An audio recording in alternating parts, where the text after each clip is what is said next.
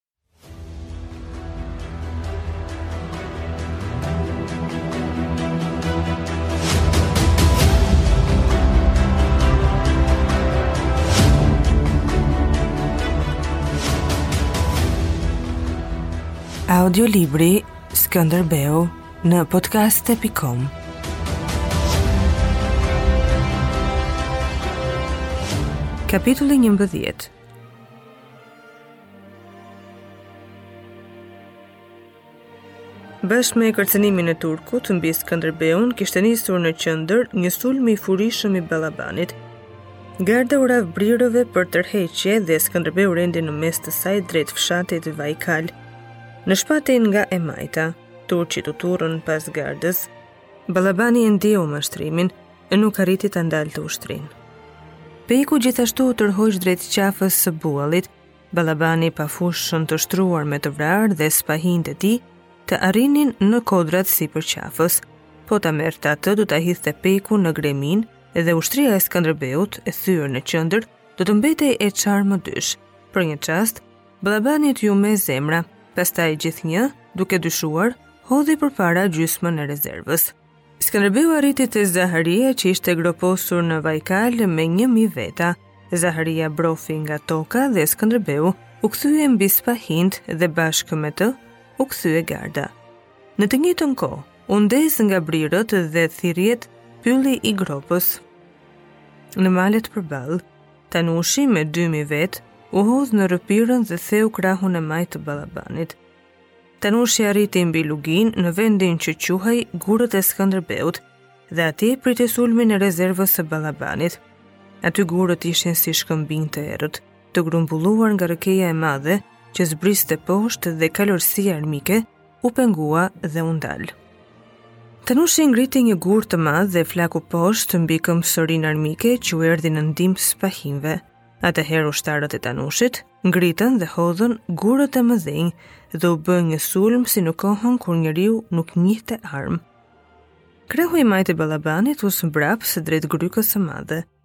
Skënderbeu e dërrmoi armikun në pritën e befasishme të Vajkalit. Ai po zbriste poshtë në lumin e Bulqizës dhe mendonte se kurrë s'kishte luftuar me aq shtërbim armikun. Këtë armik tani e kishte në dorë, kur po zgjidhte me sy vendin për të kaluar lumin e vogël, kali iu pengua në vrap e sipër dhe u shemb për tokë. Gjok Stresi e rrethoi me gardën dhe e mbrojti derisa u përmend. Ishte hera e parë që Skënderbeu rrëzohej nga kali. Shumë gjëra po ndodhnin atë ditë për herë të parë. Ende i turbulluar, i hipi një kali tjetër.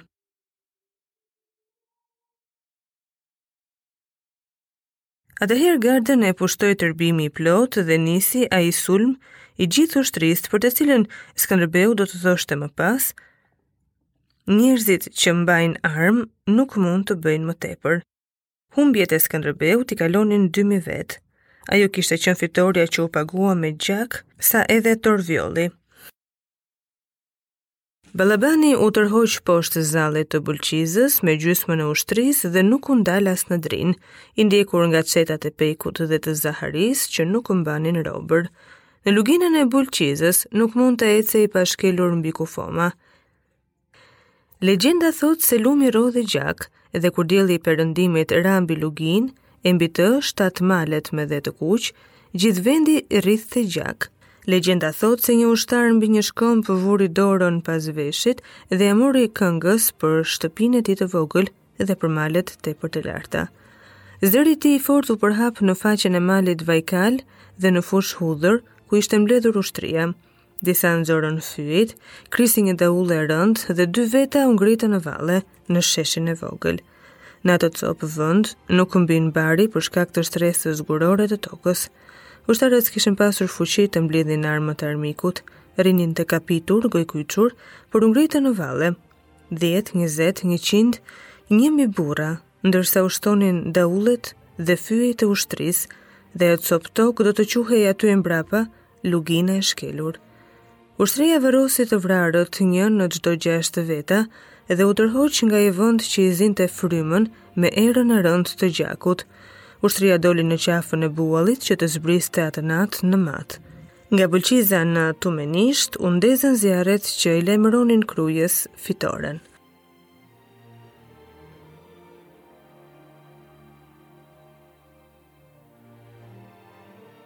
Jakup Arnauti me karvanet e rënda bëri 7 ditë për të arritur në fushën ndërmjet Erzenit dhe Tapizës.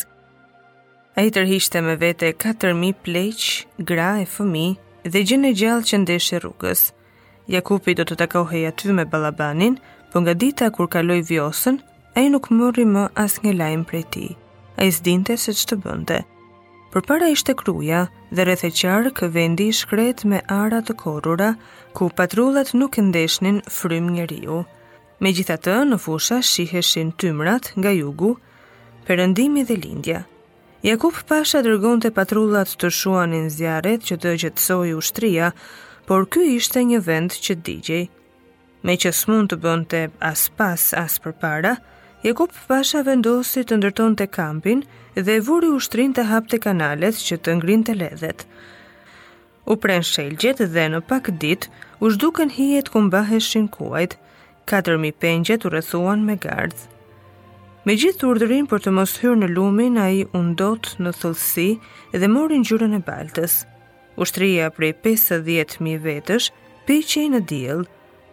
Heshtja që zotëronte fushën po bëhej e paduruar me kalimin e ditëve. Heshtja u prish kur u përhap lajmi se Skënderbeu kishte dalë me ushtrinë rrëzë malit të Dajtit. Afër mbrëmjes në kodrën ndanë kampit, që ngjante si një breshkë e madhe me kokën në lumë, dolën një grup me kalorës që tundën një flamur e u ranë brirëve. Ata zbritën nga kuajt, bënë diçka dhe u zhdukën. Patrulla që shkoi aty gjeti nëntë koka oficerësh, majë shtizave të ngulura në tokë dhe dy jeniçerë robë. Këta i treguan Jakup Arnautit për Ballaban Pashën që ishte kthyer në Ohër me gjysmën e ushtrisë.